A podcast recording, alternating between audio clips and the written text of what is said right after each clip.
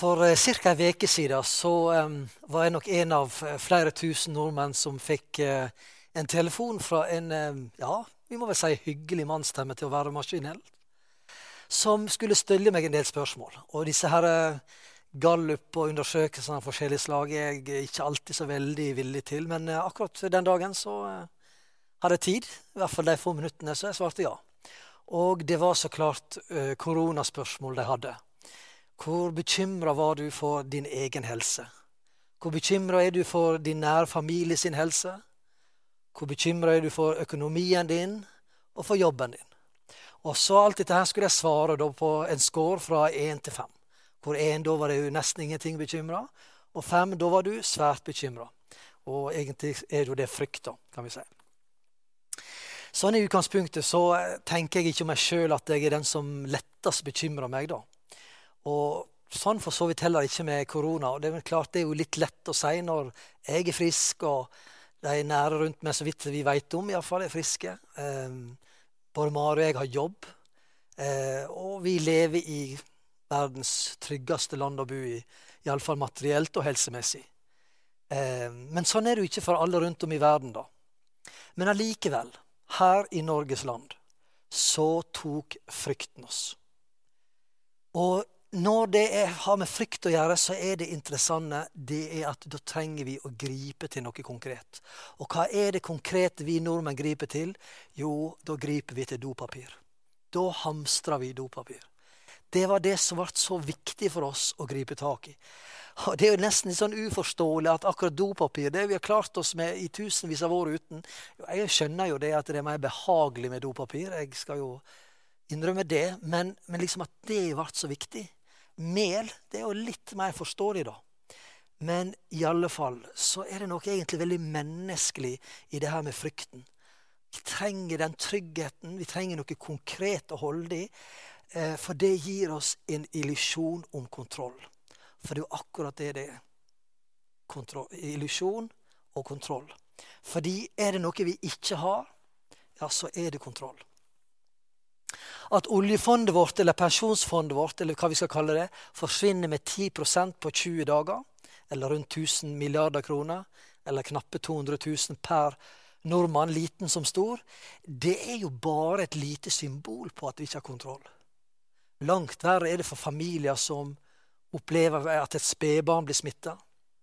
Eller 40-åringen som var så nedkjørt av koronaviruset at han eh, sa at hadde noen lagt én million kroner foran meg, én meter ifra meg, så ville jeg allikevel ikke ha klart å ta det. Ja, da merker du at du ikke har kontroll over kroppen din. Nå skal Erna Solberg bruke minst 200 milliarder kroner på en par måneder for å hjelpe oss nordmenn til å kjenne så lite som mulig på effekten av korona. Og jeg er ikke imot det. Selvsagt ikke. Og vi er utrolig heldige som lever i det landet vi er i, og som hadde en generasjon foran oss som tenkte langsiktig. Samtidig, da, så kan pengene våre være med å dulle oss inn i nettopp den illusjonen om at vi har kontroll. Men når vi kommer til døden, så er det det ultimate tegnet på at vi ikke har kontroll. Og for så vidt er det jo det korona minner oss om, og vi ser det verden over. Den minner oss om vår sårbarhet, og det at vi faktisk ikke har kontroll i det hele tatt. Ja, døden kan du stole på. Vi har nettopp feira påske. Og det var akkurat den koblinga mellom den tida vi lever i, og påska vi nå har nettopp feira. Jeg har lyst til at vi skulle dra frem to eh, hendelser. Vi finner den i eh, en av de i Lukas 23, fra vers 44. Jesus han eh, henger på korset. Det var allerede omkring den sjette time. Da falt det et mørke over hele landet. Og på mange måter så har det et mørke som har kommet over hele verden nå også. Og helt til den niende time, for solen ble formørket. Forhenget i tempelet revne etter midten. Og Jesus ropte med høg røst. Far, i dine hender overgir jeg min ånd. Her møtte Jesus døden, den ultimate årsaken til vår djupeste frykt, som vi som mennesker har. Og Jeg har bare lyst til å si det allerede nå. Hva var det Jesus møtte det med? Og hva er det vi kalles til og inviteres til å møte alle livets situasjoner og de vanskeligste situasjonene vi står i? Jo, nemlig med overgivelse. Legg merke til noen ting her. Jesus sa for første 'far'. Og det er akkurat det Gud er. Gud er din og min far. En god far som elsker deg, som har gode tanker for deg. Jesus kjente sin far. Derfor overga han seg sjøl. Det andre vi skal merke oss, det er at Jesus her refererer egentlig en salme, salme 31,6. Les gjerne salme 31,6. Vi skal ikke slå den opp eller lese så masse av den akkurat nå. Men, men der David roper ut sin fortvilelse, og så samtidig så takker han Gud. Og så er det som han, han fram og tilbake vipper mellom eh, at han stoler på Gud, han er trygg på Gud, og så er han fortvila, og så er han redd og full av angst. Jesus kjente jo til salmen. Men det som Jesus ikke her sier, men som han likevel visste om, det er at i, den fortsettelsen så står det i dine hender overgir jeg min ånd. Og så kommer det du løser meg ut, Herre, du trofaste Gud. Du løser meg ut, Herre, du trofaste Gud. Det var nettopp denne tryggheten og sikkerheten på at Gud, Jesus han kjente sin far.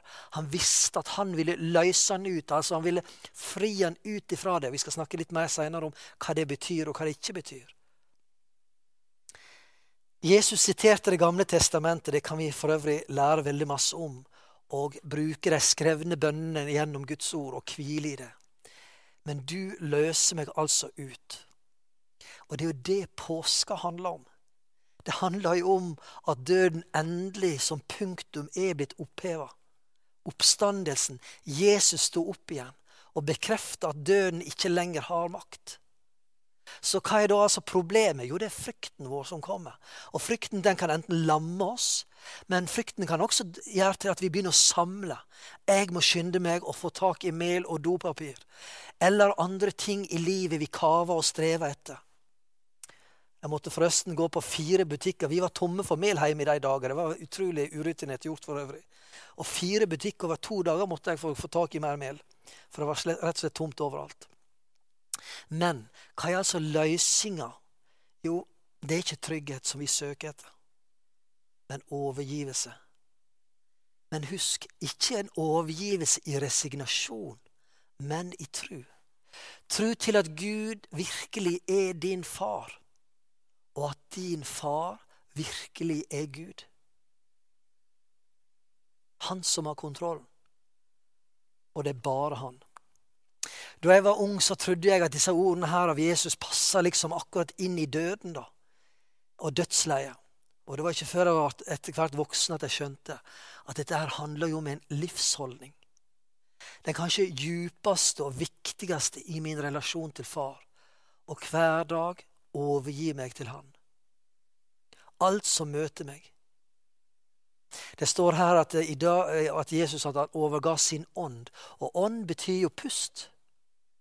Og dermed så er det et uttrykk for hele livet. Å overgi alt vi har, og alt som møter oss, alt vi ikke har. All vår frykt, all vår håp, all vår ambisjoner. Alt som er vanskelig. For åtte år siden så talte jeg over de samme ordene som disse her. Og da brukte jeg inspirasjoner til den katolske forfatteren Wilfred Stinesen etter boka 'Fader i dine hender'. Får du tak i den, så kjøp den og les den. Mediter over den. Men når jeg ser tilbake på disse åtte årene, så stiller jeg meg det spørsmålet Har jeg blitt mer moden? Kan jeg be den bønna her i dag med større tillit og mer overgivelse nå enn jeg gjorde for åtte år siden? Og jeg tror jeg vil svare både ja og nei. Og Det skal jeg dele litt mer om neste gang. Men i denne uka her som ligger foran nå, så har jeg lyst til å invitere deg til å ta ett minutt om morgenen og ett minutt om kvelden, hvor du ber den bønna her. Far, i dine hender overgir jeg meg. Og så kan du, om du vil, si noe konkret som du tenker på, noe konkret du blir minnet om.